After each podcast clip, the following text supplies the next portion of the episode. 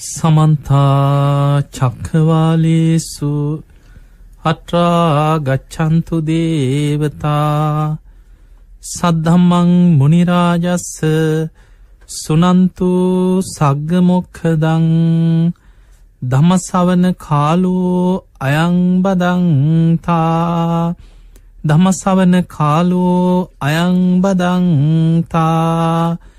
දමසවන කාලෝ අයංබදංතා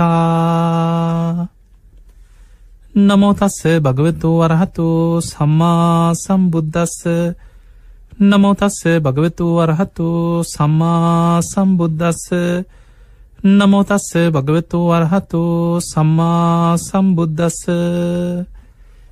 හැම දෙනාටම තෙරුවන් සන්න ප්‍රාර්ථනා කරමින් අදත් ඔබ හැම දෙනෙක්ම උතුම් ධර්ම දේශනාව ශ්‍රවණය කරන්න. බොහොම සද්ධාවෙන් ධර්මශ්‍රවනයට එකතු වෙච්ච මොහොත. අද මේ ධර්ම දේශනාව පින්බර දායකත්වය දරන පානදුර ප්‍රනාාන්දු පාර අංක තිස්ස එක දරන නිවසේ පදිංචි හේමා ඥානසීලි පෙරේරා මහත්මිය ඇතුළුවේ පවුලි හැම දෙනාටමත් ඔබ හැම දෙනාටමත්. ලක්වාසී ලොවාසී හැම දෙනාටමත් මේ උතුම් ධර්මශ්‍රවනය නිවන්දොරටුවක් බවට පත්වේවා කියල අපි මුලින්ම ආශිර්වාද ප්‍රාර්ථනා කරනවා. පිංහතුනේ අදාප විමසල බලමු ඔබ මේ දිනවල බොහෝ දුරට මේ ධර්මදේශන අතර පසුගිය දිනවල සිදුවෙච්ච මේ අවාසනාවන්ත සිදුවීම් ජාලයත් එක්ක බැඳිච්ච කාරණා ඒ වගේම ඉවසීම කරුණාව මෛත්‍රිය බුද්ධිමත්ව කටයුතු කිරීම මේ වගේ මාතෘකා ගුඩාක් යටතේ ධර්මීශ්‍රවනය කරන්නට ඇති. අද දවස අපි මෙවැනි ප්‍රශ්න ඉදිරි මිනිස්සු කෝලහල කරගන්නකොට. මිනිස්ු අතර ගැටුම් ඇතිවෙනකොට. එකිනෙකා කණ්ඩායන් විදිහට එකිනෙකා එකක මතවාද විදිහට සමහරවිත රටරටවල් විදිහට මිනිස්සු බෙදිලා කෝලහල කරගන්නකොට ඒහා බැඳුණු නොපෙනෙන බලවේග කොහොමද ක්‍රියාත්මකවෙන්. ධර්මී සඳහන් වෙන තොරතුරු ඇසුරෙන් අපි ඒ වගේ පැත්තක් ගැන බුද්ධිය ඥානය ධර්මානුකූල දැනුමක් ඇති කරගන්න උත්සාහයක් ගන්නට ඕන. පිංහතුනේ මේ මනුස්සලෝක ඉන්න මනුස්සයන්. අපි මේ විශ්වය තුළ තනිව ජීවත් වෙනවා විතරක් නෙමේ. මේ ලෝකයේ තුළ ධර්මී සඳහන් වෙනවා හිරු සඳුගේ ආලෝකයේ විහිදෙන පරාසය තුළ සත්වයන් උපදින සත්ව තල තිස්ස එකක් තියෙන. ඒ අතර නිරය තිරිසන්ලෝකය ප්‍රේතලෝකය අසුරාපාය දුක්විදින අපායගත සත්වලෝක හතරක් ගැන ධර්මය විස්තර වෙන. ඊළඟට මනුස්සලෝකේ. ඊළඟට දිවිය ලෝක ගත්තහම පොළොව ආශ්‍රිත ඉන්න දේවතා කොට්ටාසයක් ඉන්නවා. මේ අපි ජීවත්වෙන පරිසරය තුළ ගස් උක්ෂ පරුවත කඳු ඊළඟට ගංගා මේවා විමාන කරගත් දෙවි දේවතාවරු ගැන සඳහන් වෙන. ඒයට ධර්මය කියනවා සී මස්තක දේවතාවරු. ඊට අමතරව තවත් කියන බූමාටු දෙවිවරු කියල පොළොව ආශ්‍රිත දේවතාවරු කොටසක්කින්න. හැබැයි දිවිය ලෝක හැටියට බොහෝ පිනතියන ඉහල පින් ඇති දිවිය ලෝකයන් හැටියට දිවිය ලෝක හයක් ගැන ධර්මය සඳහන්ගෙන. ඒ තමයි චාතුම් මහාරාජික තාවතින්සය යාමය තුසිතය නිම්මාන රති පරනිම්මිත වසවර්ති කෙන මේ සදෙව්ලොව. ඒ දිවිය ලෝක මේ මනුස්ස ලෝකත් එක්ක ලොකු බැඳීමක් තියෙනවා. ඊළඟට එතනින් එහා බ්‍රහ්ම පාරිසංජ බ්‍රහ්ම පුරෝහිත මහා බ්‍රහ්ම මේ විදිහට රූපාවච්චර බ්‍රහ්මලෝක දාසයක්. අරූපී බ්‍රහ්මතල හතරක් තියෙනවා. ආකාසානංචායතන විඤ්ඥානංචායතන ආකින් චඥායතන නේව සංඥා නා සංඥායතන මෙන්න මේ තල තිස්ස එකෙන් යුක්ත ලෝක ධාතුව හිරු සඳුගේ ආලෝකයේ විහිදෙන පරාසය තුළ මේ සත්‍යයන් උපදින සත්ව ලෝක සත්ව තල පිහිටන බව බුදුරජාණන් වහන්සේගේ ධර්මී සඳහන් වෙනවා. පිංහතුනේ ඊළඟට ඔබ හිතන්න බුද්ධ දේශනාවලදී ඔබ දන්නවා ධම්ම චක්ක දේශනාව. අපේ බුදුරජාණන් වහන්සේ බුදුවෙලා සිදුකරපු ප්‍රථම ධර්ම දේශනාව දම්සක් පැවතුූ සූත්‍රය. මේ දේශනාවති බුදුරජාණන් වහන්සේ බුදු ඇසිම් බැලුවේ කාටද මං මේ ධර්මයේ දේශනා කරන්න. බුදුරජාණන් වහන්සේ බුදුවෙලා පස්වෙනි සතියේ සහම්පති මහා බ්‍රහ්ම දෙවියන් ආරාධනා කරාට පස්සේ බුදු ඇසිම් බැලුව කාටද මන් දහම් දෙසන්න. ආලාර කාලාම කලින් දවසමිය ගිහිල්ලා. උද්ධ කරාම පුත්ත දින හතකට පෙරමිය ගිහිල්ලා. ඊට පස්සේ තමයි පස්වක භික්‍ෂූන් වහන්සේලා කෙලෙස් සඩුවෙන් හිටපු උන්වහන්සේ දුස්කරක්‍රියා කරන කාලි උන්වහන්සේට උපස්ථාන කරපු පිරිසා. මේ අයට මන් දහම් දෙසනවා කියලා අධිෂ්ඨාන කරගන්නේ පස්වෙනි සතියද. බුදුරජාණන් වහන්සේ සත්සාතිය අවසන් කරලා සතියක් ඉසිපතන මිගදායට පයින් වැඩම කරා. එදා බුදුරජාණන් වහන්සේ සියලු බුදුවරු පෙර බුදුරජාණන් වහන්සේලාත් ධම්ම චක්ක දේශනාව දේශනා කරේ ඒ භූමියයේ එතනදිම කියල සඳහන්ගෙන. එනිසා මේ ධර්මය සඳහන් වෙනවා ඒ ස්ථානවලට අවිදහිත පුුණ්‍ය භූමිකය. බුදුරජාණන් වහන්සේදා මනුස්සලෝකෙන් පස් දෙනයි. කොන්නං්ඥ වප්ප බද්ධිය මහානා මස්සජි. මේ පස් දෙනාටයි බණ කියන්න සූදානන් වුණේ. හැබැයි ඒ පස් දෙනාට බණ කියන්න සූදානං වෙද්දි. බූමාටු දෙවියන් ප්‍රීතිගෝසා කරන්න පටන්ගත්තා ඉහළ දෙවියන්ට ඇහෙන්න. අන්න බුදුරජාණන් වහන්සේ ධම්ම චක්කේ පවත්වන්න සූදානං වෙනවා. අපිත්‍යං අපිත්‍යං අපිත්‍යම් බණහන්න කියලා බෝමාටු දෙවියන් ප්‍රීතිගෝසා කර කර ඉක්මනින් මේ භූමියයට බණහන් එකතු වෙන. චාතුම් මහාරාජික දෙවියන් ඒ වගේම ප්‍රීතිගෝසා කරන අන්න බුදුරජාණන් වහන්සේ ඉසි පතන මිගදායි ධම්ම චක්කේ දේශනා කරන. අපිත්‍යම් බණහන් අපිත්‍යයන් කියන.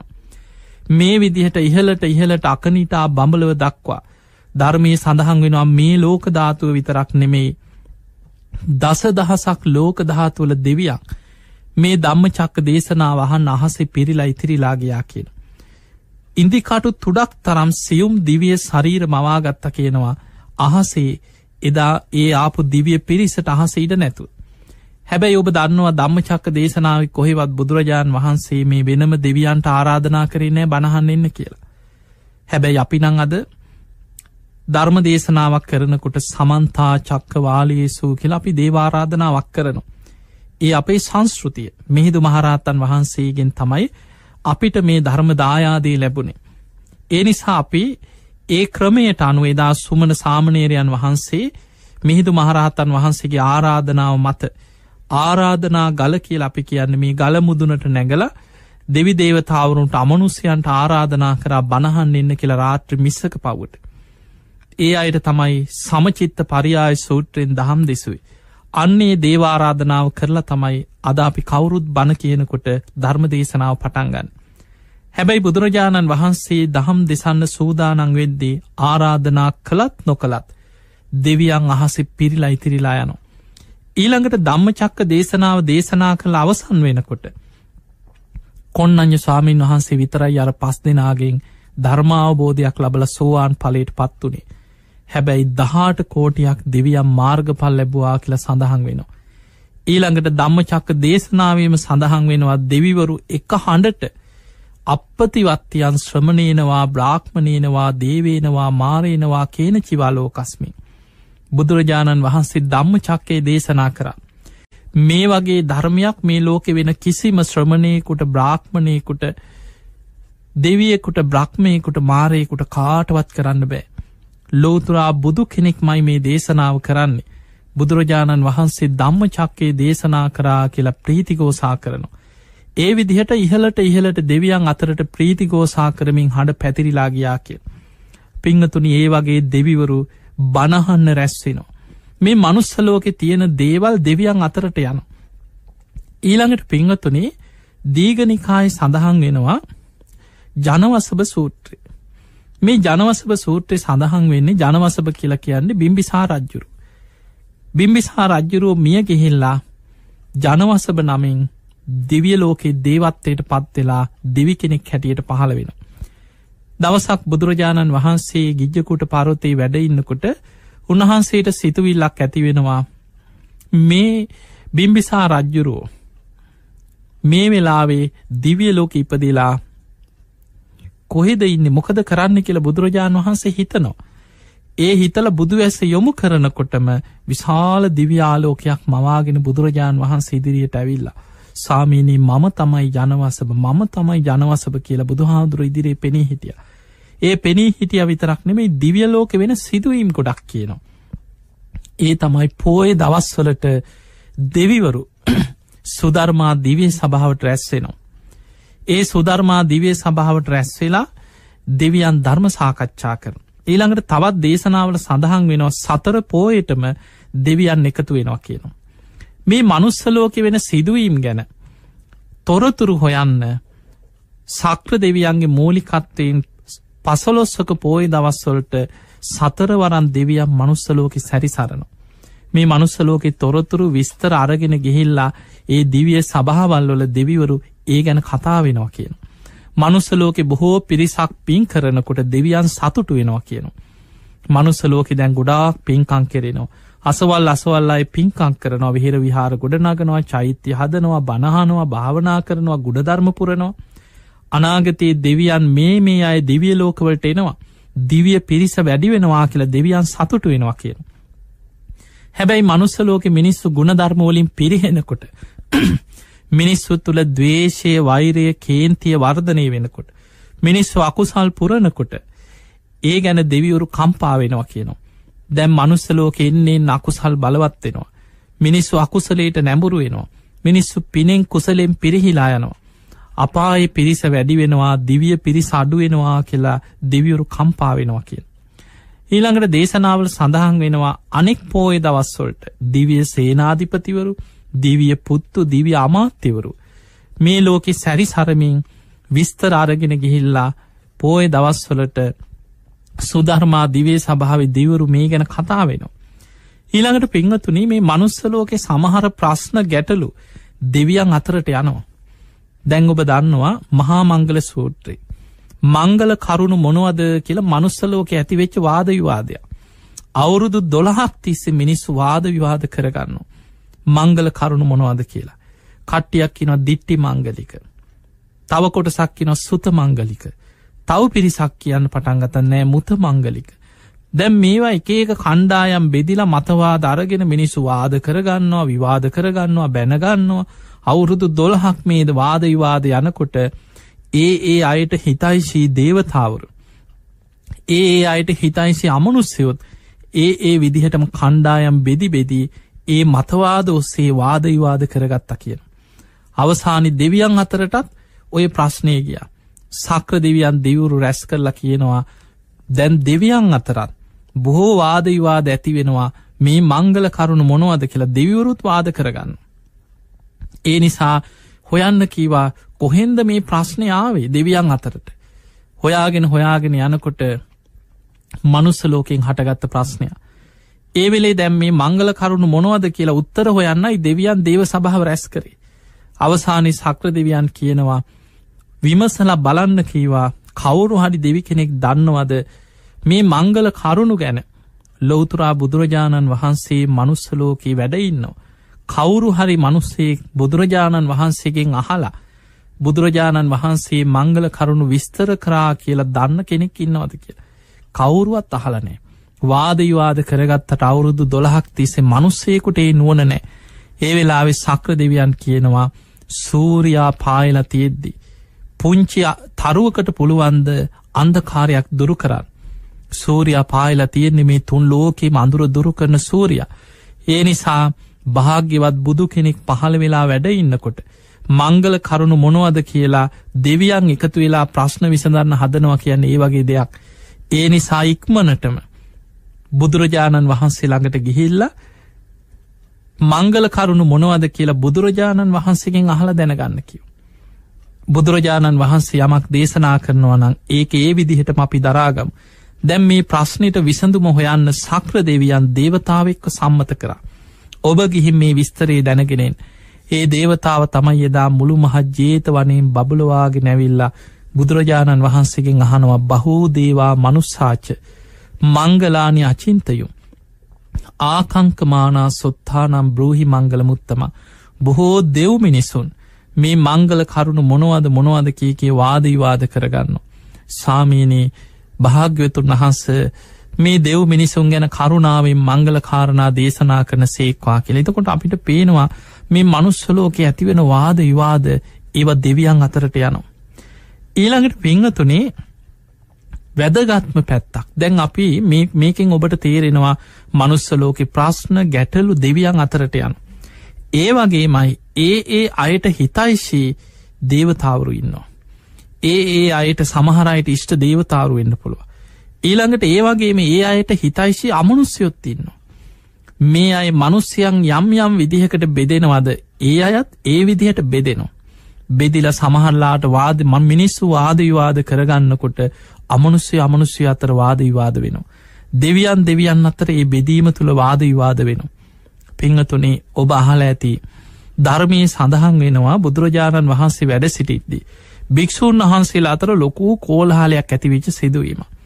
ඒ තමයි එදාර වැසිගිලි පෝච්චික වතුර ටිකක් තිබිල ගෝෂිතාරාමි අවුලක් ඇතිවුණ. ධර්ම දර භික්‍ෂූන් වහන්සේලායි විනේ දර භික්‍ෂූන් වහන්සේලායි කියලා එකම ආරාමේ ධර්මය හොඳට කටපාඩන් කරගෙන මේ මාර්ග පල්ල බල අවබෝධ වනාන කොහොම ගැටුම්වලට යන්න ධර්මය කටපාඩ. එතකොට ධර්මය හොඳට ඉගෙන ගන්නවා ධර්මය කටපාඩන් කරගෙන හොඳ ධර්ම දර පිරිසක් හිටිය. ඒ අතර තව පිරිසක් හිටිය විනේ ශික්ෂාපදම හොඳට කටපාඩන් කර කර විනයට වැඩිපුර මුල් තැනත් දෙමින් විනය ගරුකම හරියට විනය ගැන හිතන පිරිසක්. එතකොට මේ ධර්මදර විනේ දර හැටියට භික්‍ෂූන් වහන්සේලා දෙ පැත්තකට බෙදිලා ඉන්නකොට ඔය අතරේ දැන් ඉතින් කතා බහයනවා පොඩි පොඩි බෙදීමක් තියනවා. අපි ධර්ම දර හාමුදුරුන්ගේ කට්ටිය අපි මෙහෙම මතේ අපි නම් මෙහෙමයි. අනිත් අය කියන අපි ඔයිට වැඩිය විනේ තමයි හරි අපේ ඒක තමයි ශේෂ්ඨ එතකොට ඔය වගේ දැන් කණ්ඩායන් දෙකක් ගෝෂිතාරාමි භික්‍ෂූන් වහන්සේලා අතර හිටිය. ඔය අතර ග්‍රීස්ම කාලයක්. අහු කාෂ්ටක වැස්සත් නෑ වතුර හිඟ කාලයක්. ධර්මයේ සඳහන් වෙනවා විනේ ශික්ෂාපදයක් හැටියට විනේ සඳහන් වෙනවා. ඒක මේ මහා බරපතල මහනකම නැතිවෙන ආපත්තියක් නෙමේ වැසිකිලියකට ගියාට පස්සේ බුදුරජාණන් වහන්සේර පිරිසිදුකම ගැන බොහෝ සමහර කරුණු දේශනා කරනකොට පෙන්න්නනවා යම් භික්ෂුවක් වතුර භාජනයක් අරගෙන වැසිකිලියකට ගියාට පස්සේ වතුර ටික පාවිච්චි කළ සමහල්ලාවට අඩිය වතුර ටිකක් ඉතුරුවෙන. එහෙම ඉතුරු කරලායි නැතුව ඒ ටික හලලා ඒ භාජනය මුණින් නවල එන්න කියනවා. මොකද ඊළඟට එන්න කෙනාට අර වතුර ටික සමහල්ලාවට යාට ඒක මේ පිළිකුලක් වෙන්න පුළුව. ඉති ඒ නිසා ඒ සම්පූර්ණය සුද්ධ කරලා ඒ භාජනය මුණින් නවලයින්. දැන් මේ ග්‍රීස්ම කාලයක් නිසා එක විනේ දර ස්වාමීන් වහන්සේ නමක් වැසකිලියකට යන්න වතුර භාජනයක් කරගෙන හොය වතුර ටිකක් බොහොම අමාරුවෙන් හොයාගෙන ගිය. උන්වහන්සේට වතුර ගොඩක් පාවිච්චි කෙරුන්නේ වතුර භාජනෙන් භාගයක්ම විතර ඉතුරුුණ. අනේ මේ ස්වාමීන් වහන්සේ කල්පනා කරා ඊළඟට එන සාමීන් වහන්සේට මේ වතුරටි කාලනය අපරාධය වතුරත් මේ වැස් මේ ග්‍රීස්ම කාලයක් වැස්සත් නෑ. වතුරත් හිඟයි. අර භාජනය වතුර ටිකක් තියලා දැම් මේගේ විනේ දර කෙනෙ. එතකොට උන්වහන්සේ එනකොටම වැසකිලියකට ඒ ආරාම වැසකිලියකට ගිය ධර්ම දර භික්ෂුව. යනකොට මෙන්න භාජනය වතුර ටික භාගයක් හිතර තියෙනවා. එතකොට දැම් මේ ගැටෙන්න කරුණු හොයන කෙනෙකුට පොඩ්ඩි දෙයක් ඇති ගැටෙන් කරුණක් හොය හොයා එල්ලෙන්න කාරණයක් හොය හොය කාගි හරි අඩුවක් හොය හොයා ගැටුමක් හදාගන්න කොහෙන් හරි කොනක් හොයන කෙනෙකුට ඒ ටිකත් ඇති. ඒ වෙලාවේ දැන් අර වතුර ටික තමයි දැන් ප්‍රශ්නයක් කරගත්. ඒ එහෙම්ම මැවිල්ල කට්ටියට කතා මෙන්න ඇවිල්ල බලන්න කියෝ ඔන්න කතාකරොත් මහලොකු විනය ඔන්න විනේ රැකල තියෙන හැටි ආම් පේනවනේද කියල් දැන් අර භාජනය වතුර ටිකක් තිබ්බ එක මුල් කරගෙන විනේ දර භික්‍ෂූන් වහන්සේලට ගරහන්න පටන්ගත්ත. දැන් ඔය විදිහට දැන් මේක වචනවලින් ඔන්න වචනවලින් රණ්ඩුවක් ගිය. මෙහෙම බැනගෙන බැනගෙන දැන් ඕවා දුරදික යනකොට වෙන්නේ ඒක දුරදික ගිහිල්ලා කොච්චර දුරදික ගියාද කියන ඒ කාලිතින් මේ ආයුධ තිබිල නෑ ඒ කාල තිබිච්ච භික්‍ෂූන් වහන්සේලාට තිබ එක්ම ආයුදේ පාත්තරේ පාත්තරවලින් ඉඳං ගහගත්තා කියන නැ ගහගන්න තිබ එකම දෙයයි පාත්තර පාත්තරවලින් ඉඳං ගහගත්. දැම් අපිට පේනවා එතකොට කොච්චර දුරට දැම් මේ රණ්ඩුව භික්ෂූන් වහන්සේ අතර දෙ පැත්තට බෙදිලා යනවද? තුන් මේ මාර්ග පල්ලප්පුවා එන්නෙමයි එතකොට මේ අලුත පැවිදිවිච්ච ලොකු ධර්මය ගැන දියුණුවක් නැති නිකන් ධර්ම දර විනේ දර කිවට අවබෝධයකින් තොරයි. එතකොට මෙහෙම ප්‍රශ්නය යනකොට ඔන්න බලන්න ප්‍රශ්නයක් පැටිල්ලා යන හැටි. එකම ආරාම භික්‍ෂූන් වහන්සේලා දෙපැත්තට බෙදිල මෙහෙම වාද විවාද වෙලා රණ්ඩුවක් යනකොට ඒ අයට හිතයිශී දායකයොත් බෙදුන කියන. එහෙම ඉන්නවා දායකයෝ අපි මේ හාමුදුරුන්ගේ පැත්ත. අපේ හාමුදුරුන්ට එහෙම දෙයක් වෙනවන අපිත් එෙනවා. දැන් ඒ විදිහට දැන් ඔන්න හාමුදුල්ලගේ පැත්ත ගන්න පිරිසක්කින්න. ධර්ම දර හාමුදුල්ලට වෙනම දායක පිරිසක් හැදුන විනේ දර හාමුදුල්ලගේ හිතයිසිය ඒ පැත්ති. දැන් දායකව දායකව රණ්ඩු. පාරිදි හම්බුණ රණ්ඩුව. උඹලගේ හාමුදුල්ල මෙහෙමයි. යකෝ අපේ හාමුදුරු මෙහෙමයි. අපේ හාමුදුල තමයි හරි. දැන් ඔන්න පාරෙත් බැනගන්න පාරවල් වලත් කට්ටිය ගහගන්න දැන් ඔහොම ප්‍රශ්න යනකොට අපිට නොපෙනෙන පැත්තක්. ධර්මය සඳහන් වෙනවා ඒ අයට හිතයිසි අමනුස්්‍ය අමනුස්්‍ය අතර ගැටුම් ඇති වුණා කිය. ඒ ඒ අයට හිතයිශී දේවතාවරු අතර ගැටුම් ඇති වුණා කිය. එතකොට මේ ඇතිවේ චාරවුල දිගට දිගට යනකොට භික්‍ෂූන් වහන්සේලා බෙදුණ දායකයෝ දෙ පැත්තට බෙදුණ අමනුස්්‍යයෝ දෙ පැත්තට බෙදිලා කෝලහල කරගත්තා දෙවි දේවතාවරුණු දෙපැත්තට බෙදිලා ඒ අය කෙලෙසහිතයි දෙවියන් කියන්නෙත් මේ කෙලෙස් සහිතයි ඒ අයටත් බය තැති ගැනීම් ලොමුඩ හැගැනීම් තියෙනවා. දිවිය ලෝකොල පවා යුද්ධ තියෙනවා. ඔබ දන්නවා දජග්ග සූට්‍ය සඳහන් වෙනවා. දිවිය ලෝකවල සුරාසුර යුද්ධ තියෙනවා. එතකොට මේ ගැටුම් ආරවුල් බිය තැති ගැනීම් කෝලහල ඕව දෙවියන් අතරත් තියෙන. එදකොට ඒ අයට හිතයිශී දේවතාවරුත් බෙදිලා ආරවුල් හදාගෙන දෙගොල්ල වෙන වෙනම ගැටුම් හදාගත්ත කියන. අවසානි බුදුරජාණන් වහන්සේ මේ ප්‍රශ්නයට මැදිහත් වෙලා බුදුරජාණන් වහන්සේට ආරංචි වුණා දැන් භික්‍ෂූන් වහසලා බොහෝ පිරිසක් අන්න ගෝෂිතාරාම දැන් කාලයක් රණ්ඩුව මේක දැන් එන්න එන්න දුරදික යනවා. තතාගතයන් වහන්සේ මහා කරුණාවෙන් වැඩම කර මේ ආරවුල සංසිදවන් හැබැයි පිංහතුනේ අපිට පේනවා සමහරය දවේශයක් වෛරයක් තරහක් ඇති වුණාට පස්සේ ආයි ධර්මය කියන්න ගියත් කියන කෙනත් වැරදිකාරය වෙනවා. දැන් අප හිතම කවුරු හරි කේන්තියෙන් ඉන්න වෙලාවක මෛත්‍රිය ගැන කතා කරන්න ගියෝ කතා කරන කෙනාටත් බනිනවා තියාගනින් බේ මෛත්‍රී කියලා අර මෛත්‍රිය ගැන කතා කරන කෙනත් බැනුම් අහනවා. එනවා මෙතන මේ වෙලා මේ බණ කියන්න කියලා. අර බණ කියන කෙනාටත් ප්‍රශ්න. ඒක තමයි දවේශය උපාදාන කරගත්තාම ස්වභාවේ මොකද පිංහතුනේ හිත පිහිටලා තියෙන්නේ කුසල මූලයන් තුළ නෙමෙයි. හිත පිහිටලා තියෙන අකුසල මූලයන් තුළ අකුසල මූලයන් තුළ පිහිටපු හිතක් ඇදෙන්නේ අකුසලයටමයි. දවේශය කියන එක පටිගය හිත ඇතුළේ අකුසල මූලයක් හැටියට පිහිටලා තියෙන රාගානුසේ පටිගානුසේ අවිද්‍යානුසේ. ඒ නිසා යම් නිමිත්තක් ආපු ගමන් රාග සහිත නිමිත්තක් නං යොමු එන්නේ හිත අභ්‍යන්තරයේ තියෙන රාගානුසේ බලවත්වෙන. තමන්ට කේන්තියන තරහයන මොනවාහරි පටිග නිමිත්තක් යොමු එච්ච ගමන්. දවේශයේ පටිගේ බලවත් වෙලා එනු. ඊළඟට ඒවට අවශ්‍ය කාරණ අපිම හිතෙන් එකතු කරගන්න.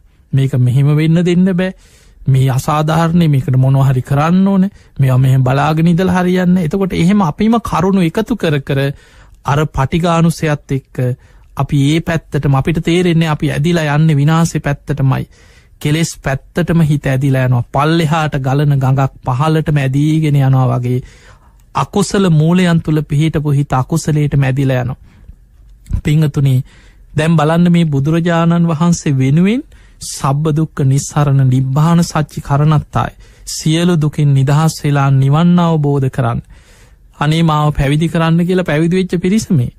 හැබැයි බුදු හාමුදුරුව වැඩම කරලා මේ ආරවුල සංසිදවන්න දහම් දෙසද්දී කැමතිවුන්නේ බුදුරජාණන් වහන්සේ කියන බනවත් අහන්න කැමතිවුන්නේ. ඒ අතර සමහර භික්ෂූන් වහන්සේලා කියා හිටිය ස්වාමිනි භාගතුන් වහස ඔබහන්සගේ පාඩුව ඔබහන්සේ දැම් මේ වෙලා පැත්තකට ලයින්න කියව.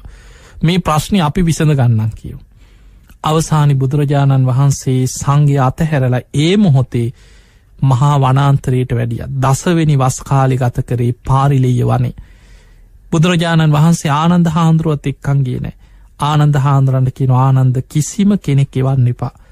බුදුරජාණන් වහන්සේට ඒ වස්මාස තුනම පාරිලෙය ඇතෙක් වඳුරෙක් මේ තෙරිසන් සත්තු බෝධි සත්ත මේ සතුන් බුදුහාන්දුරන්ට ඒ වස්කාලය තුළ ඇප උපස්ථාන කරන්නට ේදුනා. එතකොට අපිට පේනවා මේ වගේ සමහර ගැටුම් ඇති වෙනකොට මේ නොපෙනෙන බලවේග මේවත් එක්ක පැටලිලා යනු. පිංහතුනේ පේතවත්වේ තියෙනවා හරීම පුදුම සිදුවින් අපේ ඇස්වලට නොපෙනෙන දේවල්. සමහර අමනුස්්‍යයෝ ඉන්නවා ගැටුම් ඇති කරලා මිනිස්සු ගහමරා ගන්නකොට ඒ ගලන ලේටික ආග්‍රහණය කරන ලේවුරාබොන අමනුස්සය ඉන්නවා. ඒ අය ඇතුල් එන්නේ කෙලෙස් බලවත් අකුසල් බලවත් දවේශය බලවත් පිරිසව ඒ අමනුස්යෝ ඒ අය වාහකෙහි කරගන්නවා කියල සඳහන් වෙන.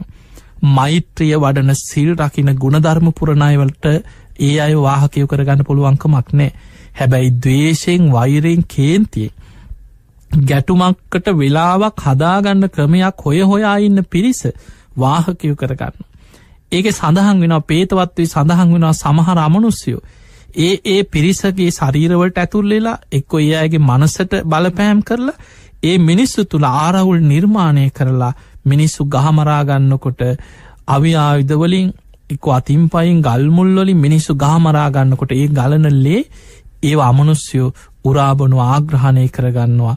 ඒක තමයි කෙන යමනුස්්‍යයන්ගේ ජීවත්වෙන ක්‍රමේ එතකොට අපිට මේ නොපෙනෙන දේවල් මේ විශ්වය තුළ තියෙනවා. පිංගතුනේ තව පුදුම දාගත දෙයක් සඳහගෙන මේක සඳහන් මේ ජාතක පොතක සඳහන් වෙන කාරණය. ඒ තමයි අපේ බෝසතාණන් වහන්සේ එක රාජ්‍යක රජකං කරන කාලය. මේ දීර්ඝ සංසාරික ආත්මික සිදුවීමක් පෙර ජාතක කතාව. එදා අපේ බෝසතාණන් වහන්සේ පාරමී පුරාගෙනන කාත්මයක ධාර්මිෂ්ටවේ රාජ්‍ය පාලනය කරපු රජතුමා. උන්වහන්සේගේ රාජ්‍යයට ළඟම යාබද තවත් රාජ්‍යයක් තිබුණ. හැබැයි මේ රජ්ජුරුව හරීම බල ලෝබී රජ කෙනෙ. තව රාජ්‍ය අල්ලගන්න පුළුවන්නං කොහොමද කියලා හැම වෙලාම අනුන්ගේ රාජ්‍ය අල්පත් කරගන්න. අනුන්ගේ ධනය කොල්ලකන්න. බලාගෙන ඉන්න බලලෝබී රජ කෙනේ මේ රාජ්‍යයට ආසන්න රාජ්‍යක හිටිය. ඔය රජවරු දෙන්නම ගරු කරපු තාපසයන් වහන්සේ නමක් දූපතක වැඩ සිටිය.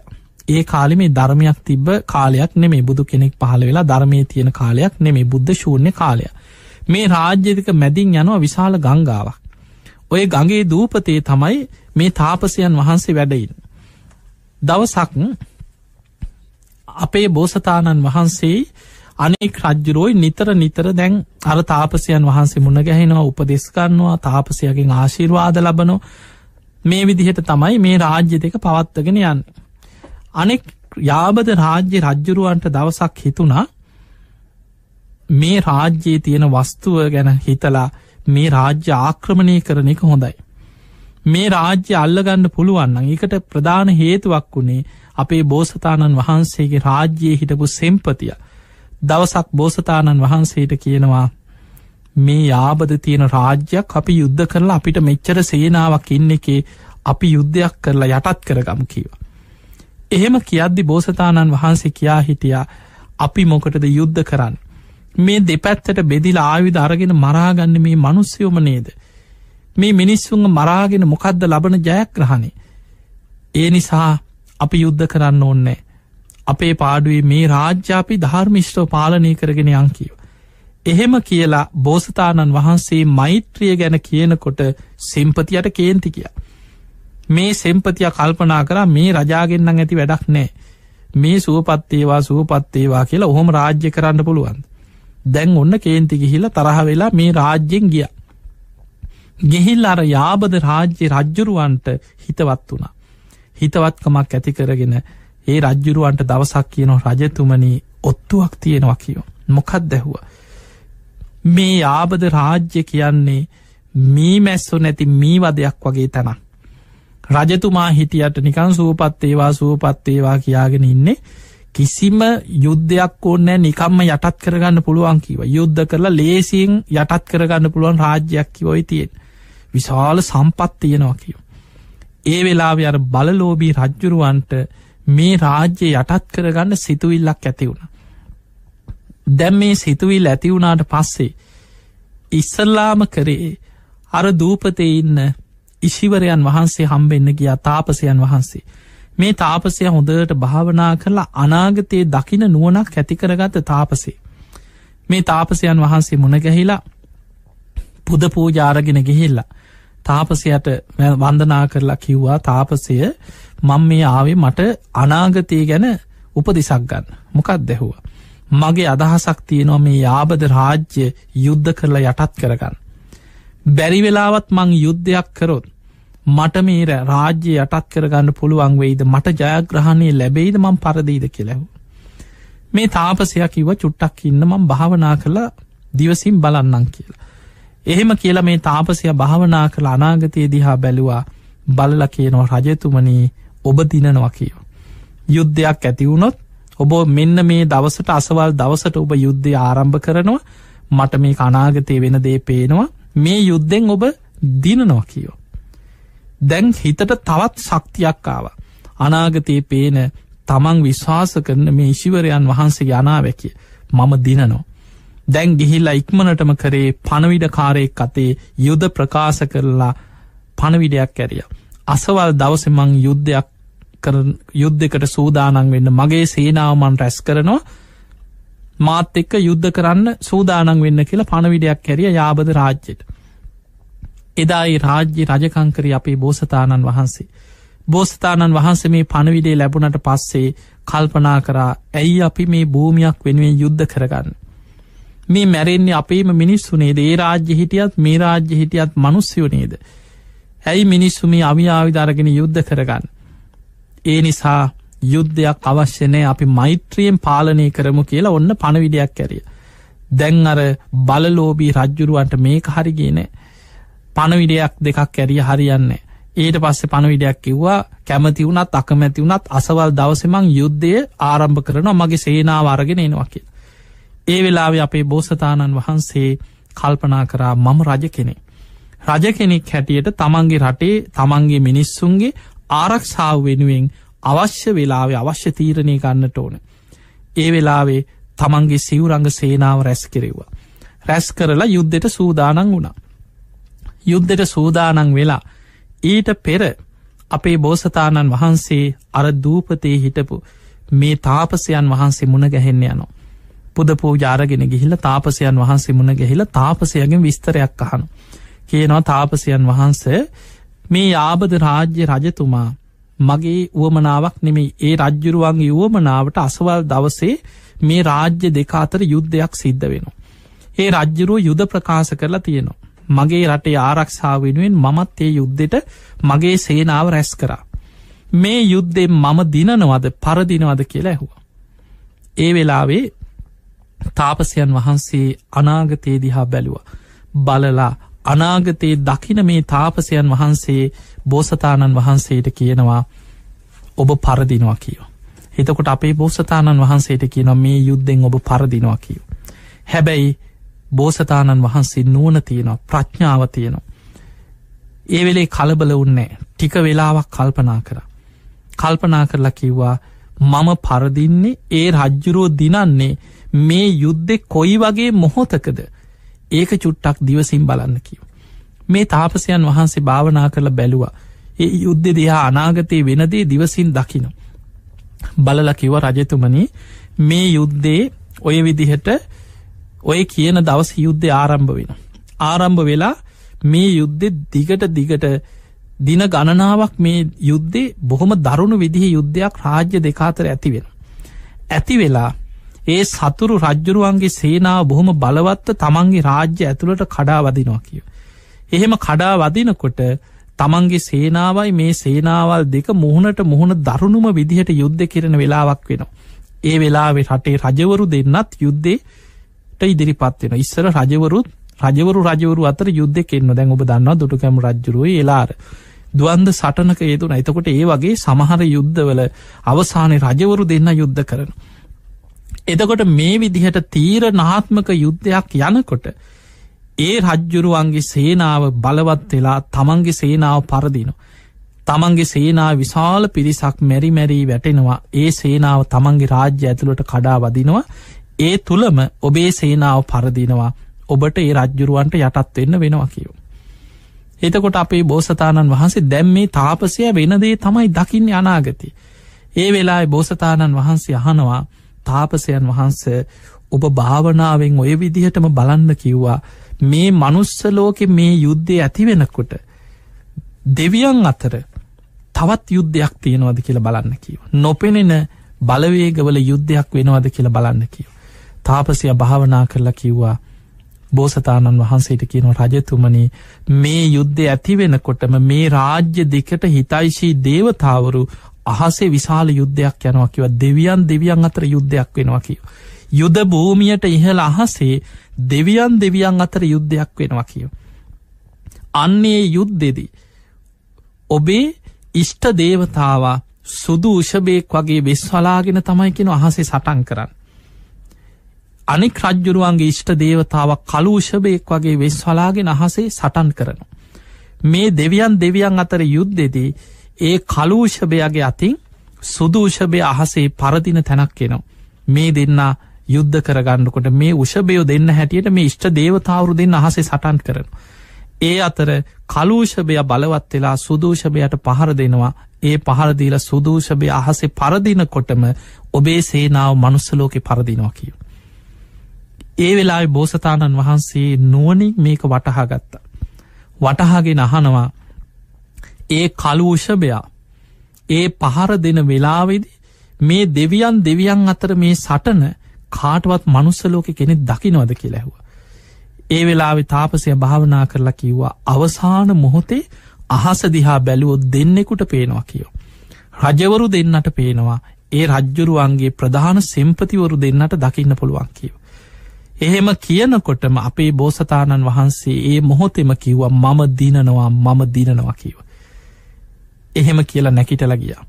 ගිහිල්ලා දැම් බලන්න වෙන්න තියෙන දේ තමයි මේ තාපසයක් කිව්වේ බොරුවක් කිව්ව නෙමේ වෙන්න තියෙන නියමිත දේ කිව්වා යුද්ධෙදි ඔබ පරදිනවා කියල බෝසතාණන් වහන්සේට කිව දෙවරු දෙවරු දෙන්නගේ යුද්ධේ තමන් දකින දේ වෙන්න තියෙන දේ කිව්වා. අපේ බෝසතාණන් වහන්සේදා ගිහිල්ලා. දියමන්ති තුඩක් යොදපු ඊතලයක් හදාගත්තා. ඒ ඊතලේ සකස් කරලා ඒ ඊතලේ වෙනම අරගෙන තියාගත්තා. තියාගෙන දැන් නියමිත දවස යුද්ධ යන්න පෙර තමන්ගේ ප්‍රධාන සෙම්පතියට කතා කරලා කිව සෙම්පතිය මේ යුද්ධය මේ මේ විදිහට සිද්ධ වෙනවා.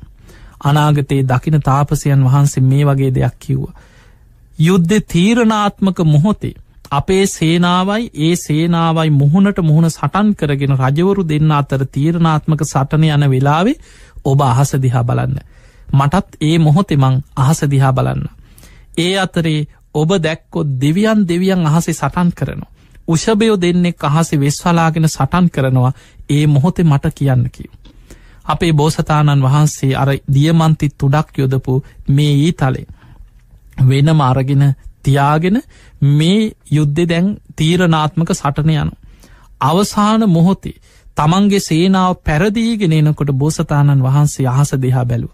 බලනකොට පේනවා අහසේ දෙවිවරු දෙවරු විශාල යුද්ධයක් අහස යුද්ධය. ඒ අතර අර සතුරු පැත්තේ පිරිස අතර විශාල කළු උෂභයකුයි තමන්ගේ ප්‍රදේශයේ සුදු උෂභයකුයි දෙන්නෙක් උෂභයෝ දෙන්නෙක් අහසි සටන් කරනවා පේනවා. ඒ මොහොතේ දියමන්ති තුඩ යොදපු ඊ තලේ අරගෙන කලූෂභයට ඉලක්ක කරලා විද්දා.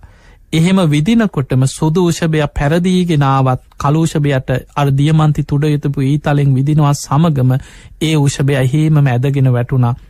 සුදූෂභය බලවත් වෙලා කලූෂභයට පහර දෙනු.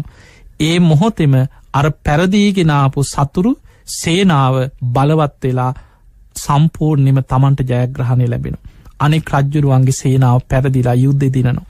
එතකොට මෙන්න මේකෙන් සඳහන් වෙනවා අපිට නොපෙනෙන පැත්ත මේ පරදින්න තිබ්බ යුද්ධයක් අන්තිම මොහොත දිනපු හැටි.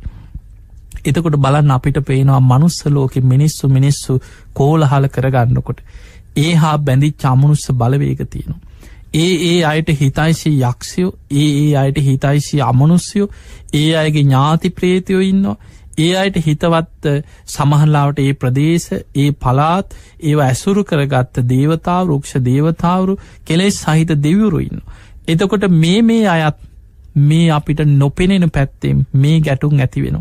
පිංහතුනී බලන්න දීගනිකාය තියෙනවා බුදුරජාණන් වහන්සේගේ පිරිනිවන් පෑම ගැන සඳහන් වෙන දීර්ඝ දේශනාව.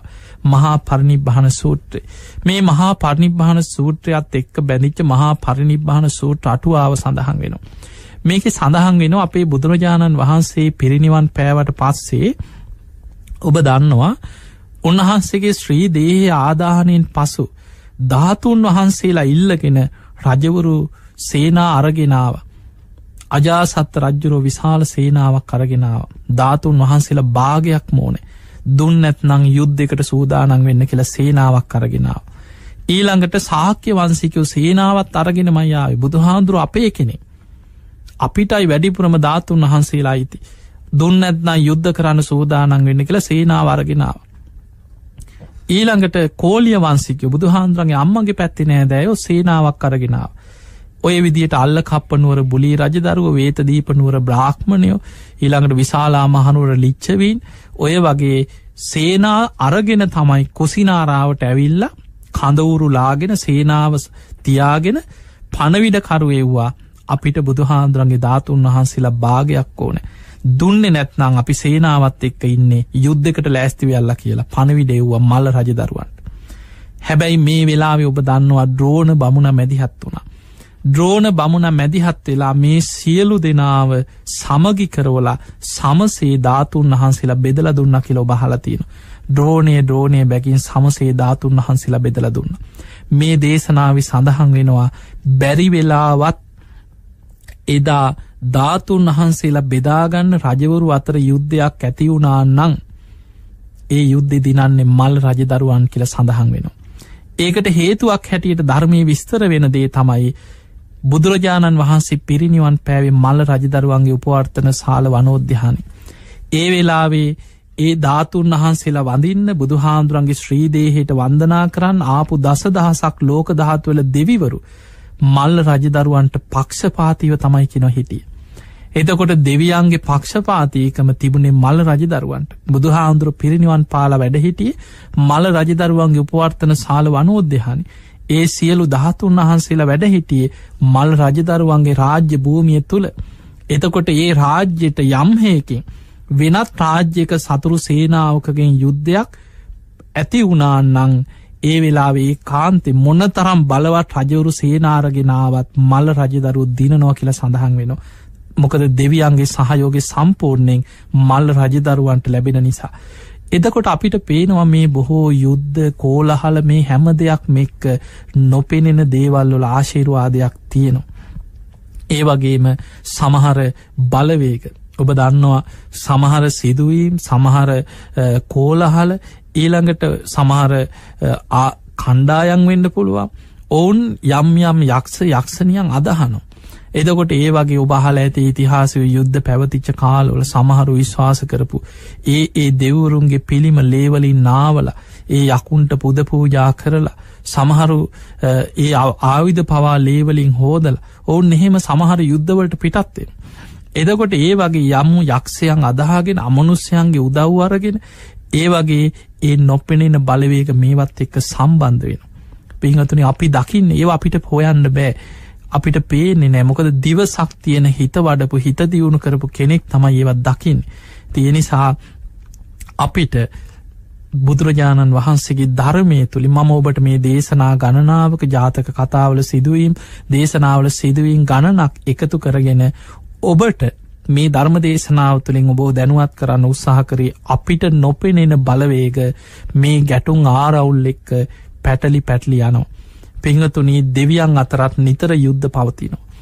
සුරාසුර යුද්ධ දජග්ග සූට සඳහන් වෙනේ කාර සමහර කාලවට සුර දෙවිවරු දිනනවා අසුරයම් පරදිනු. ඒ සුර දෙවියන්ගේ බලය බැඩිවෙනකොට ධර්මී බලය බලවත්වෙනවා. ඇයි සුර දෙවිවරු අතර සක්‍ර දෙවිය තමයි සුර දෙවියන්ගේ නායකත්වය දරන්න සක්‍ර දෙවිය කියන්නේ මේ බුද්ධ ශාසනයට ගොදක් බැඳිච්ච කෙනෙ. එතකොට ඒ වගේ ඒ දෙවියන්ගේ බලවත්කම ඒ දෙවියන්ගේ ජයග්‍රහණය බලවත් වෙනකොට මනුස්සලෝක පවා ධර්මය බලය බලවත්වෙන.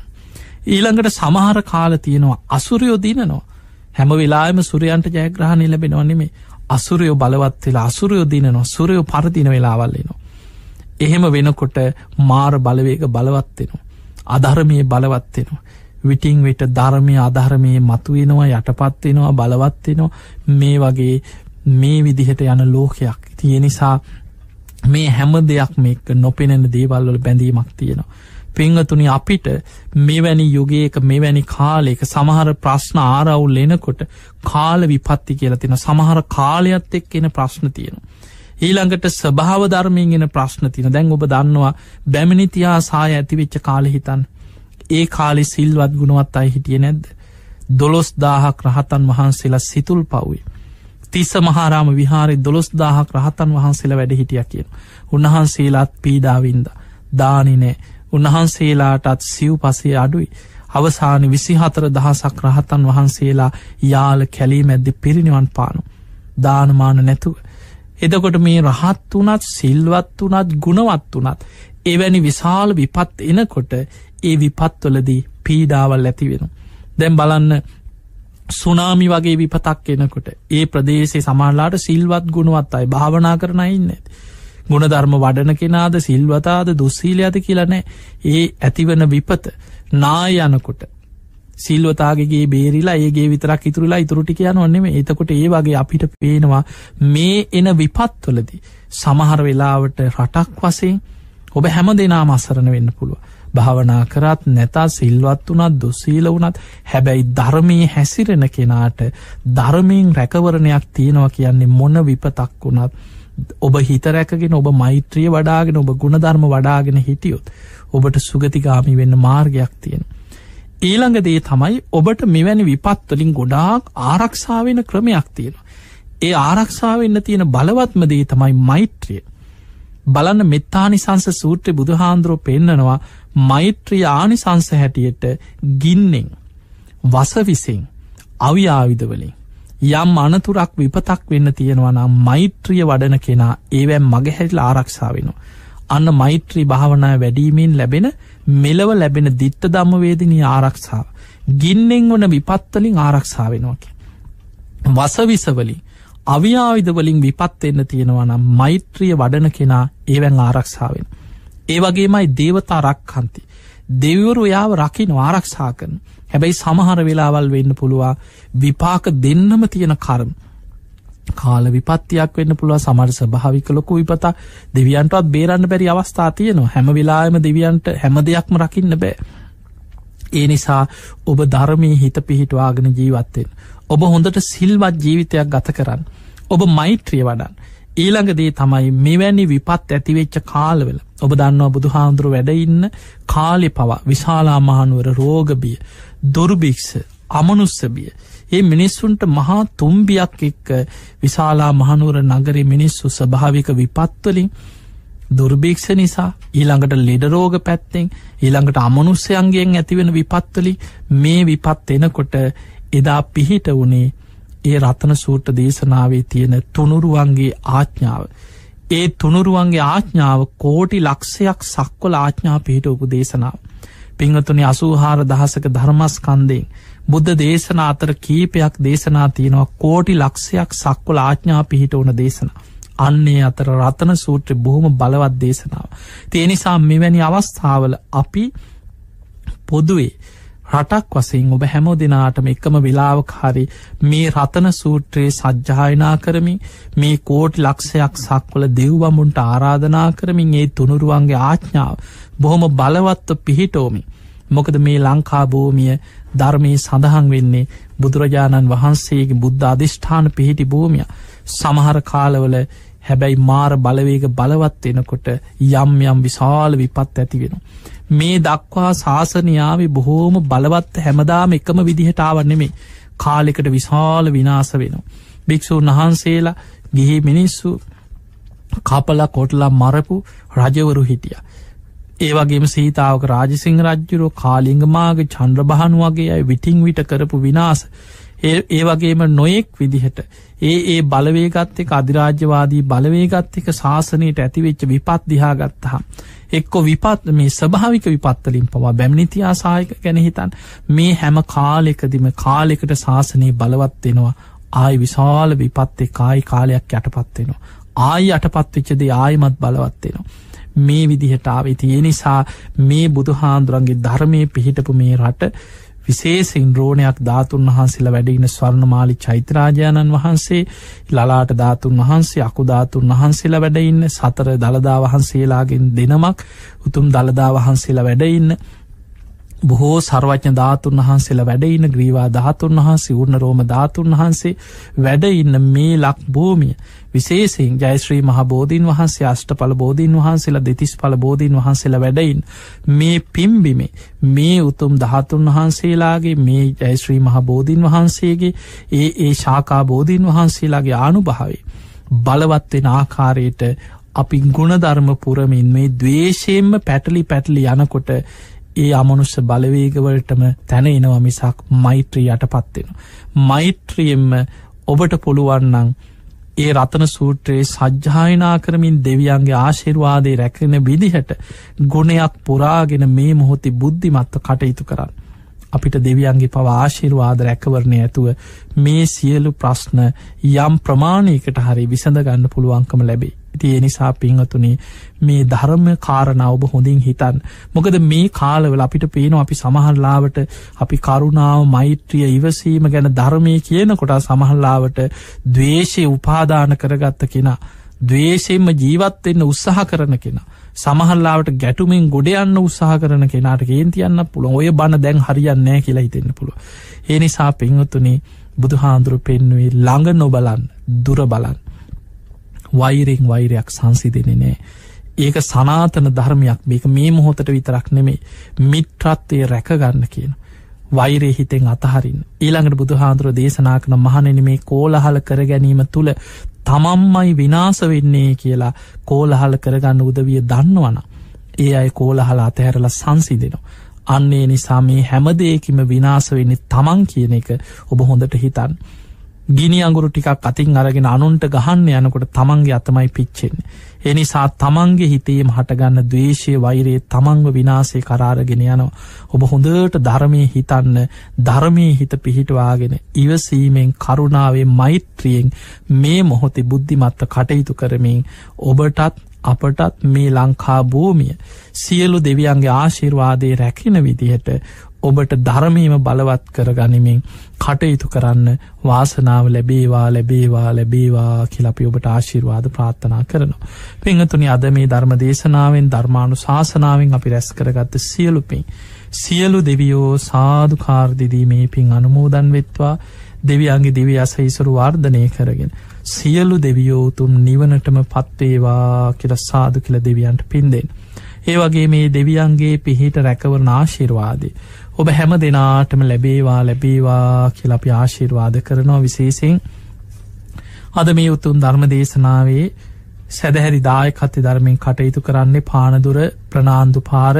අංක තිස්ස එක දරන නිවසේ පදිංචි හේමා ඥාන සීලි පෙරේරා මහත්මය ඇතුරු දූදරු පිරිස. ඒ පිංහතුගේ අරමුණු තමයි දෙදස් දෙක මැයි පළවෙනි දින අභාව ප්‍රාප්ත වූ බී සුනිල් පීරිස් ස්වාම්පුරුෂයාට ආදරණය පියානන්ට ඒ වගේ මව්පිය දෙපාර්ශවේ මිය පරලවගේ සියලු සංසාරගත ඥාති ඒ අතර Edmund Perera H Disilin Fernando B Justin Peiris B Misilin Peiris කියනේ මිය පරලවගේ සංසාරගත ඥාතීන් ඇතුළු සියලු දෙනා. ඒ අගේ පරලොව ජීවිත සැපවත්තේවා සුවපත්තේවා සසර දුකින් අතමිදේවා කියල සාදු කියලමියගේ අයට පින් අනුමෝදන් කරන්න බණහන් ඔබ හැම දෙනාමත්. ඔබ නමෙන් මිය පරලෝගේ සියලු ඥාතීන් මේ පින් අනුමෝදන් වෙලා සසර දුකින් අතමිදේවා කියල පින් අනුමෝදන් කරන්න ඒ වගේම රට දැයිවෙනුවෙන් දිවි පිදූ රණවිරුව පස්සුගිය මීට හරියටම සති දෙහෙකට පෙර. ඒ ඇති වෙච්ච ඒ ප්‍රහාරවලදි මිය පරලවගේ අපේම ලක්වැසි ඒ අහිංසක ජනතාව ඒ සිය ගණනක් ඒ පිරිස ඔවුනුත් මේ පින් අනුමෝදන් වෙත්වා. ඔබ හැම දෙනාගම මිය පරලවගේ ඥාතීන් මේ පින් අනුමෝදන් වෙත්වා. ඒ අයගේ පරලව ජීවිත සැපවත්තේවා සුවපත්තේවා සසර දුකින් අතමිදේවා කියල සාදු කියල පින් දෙන්න. ඒවගේම දරුවන්ගේ රැකී රක්ෂා කටයුතු දියුණු කර ගැනීමට අධ්‍යාපන කටයුතු සාර්ථකව සිදු කරගන්න. ඒ දරුවන්ටත් අධ්‍යාපනය ලබන දරුවන්ටත් තුනුළුවන්ගේ ආශිර්වාද රැකවන ලැබේවා කියෙන ආශිර්වාදී. දේශකෑණන් වහන්සේටත් නෙත් කාර්යමන්ලේ හැම දෙනාටමත් ලක්වාසි ලොවාසි හැම දෙනාටමත් උතුම් ධර්මාවබෝධය පිණිසම මේ පිනාශිර්වාදයක් වේවා කියන ප්‍රාර්ථනය. ආකා සට්ඨාචි බුම්මට්ඨා දේවානාගා මහිද්දිකා පුඤ්ඥන්තං අනුමෝදිත්වා චිරන්රක්කන්තු ලෝක ශාසනං ආකා සට්ඨාච බුම්මට්ඨා දේවානාගා මහිද්දිකා පුඤ්ඥන්තං අනුමෝදිත්වා චිරන්රක්කන්තු දේශනං ආකා සට්ඨාච බුම්මට්ඨා දේවානාගා මහිද්දිකා පුඤ්ඥන්තං අනුමෝදිත්වා චිරන්රක්කන්තුත්වං සදා හැම දෙනාටම සම්මා සම්බුදු සරණ.